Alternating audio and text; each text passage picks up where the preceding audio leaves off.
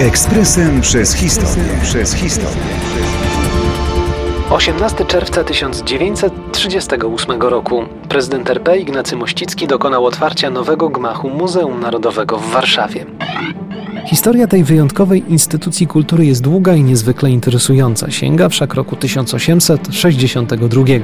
W naszej opowieści skupimy się jednak na momencie, w którym zapadła decyzja już w wolnej Polsce o wybudowaniu nowego gmachu dla muzeum, które wzbogacało się o kolejne zbiory i po prostu w dawnej siedzibie zrobiło się zbyt ciasno. Był rok 1926. Polska odrodzona państwowość okrzepła i czas wydawał się dobry na tego rodzaju inwestycje postanowiono wykorzystać teren zakupiony w 1912 roku od warszawskiego konsystorza prawosławnego.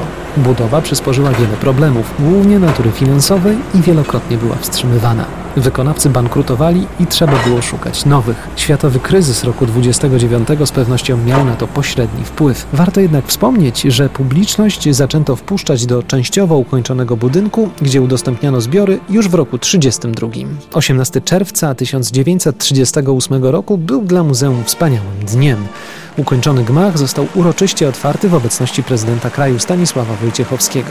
Już dwa lata wcześniej funkcję dyrektora objął znakomity historyk sztuki Stanisław Lorenz, co sprawiło, że muzeum szybko dołączyło do światowej czołówki. Jak wiemy, wszystko zmienił w sposób tragiczny najazd Niemców. Ten ponoć miłujący sztukę naród udowodnił wówczas, że najbardziej kocha te dzieła sztuki, które jest w stanie ukraść. Do ogromu ohydnych zbrodni na ludności cywilnej wielu okupowanych krajów dołączył także grabież dzieł sztuki na niespotykaną dotąd skalę. Po wejściu okupanta do Warszawy zbiory muzeum natychmiast znalazły się w niebezpieczeństwie. Lorenz i jego ekipa czynili wszystko, by jak najwięcej przed barbarzyńcami ukryć. A to, czego się nie udało przed nimi schować, katalogowano przed wywózką do Niemiec, by kiedyś wiedzieć, czego szukać.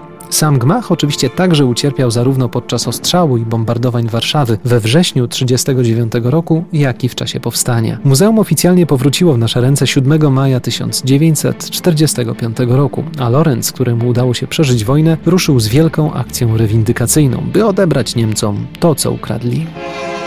Ekspresem przez historię. Przez historię.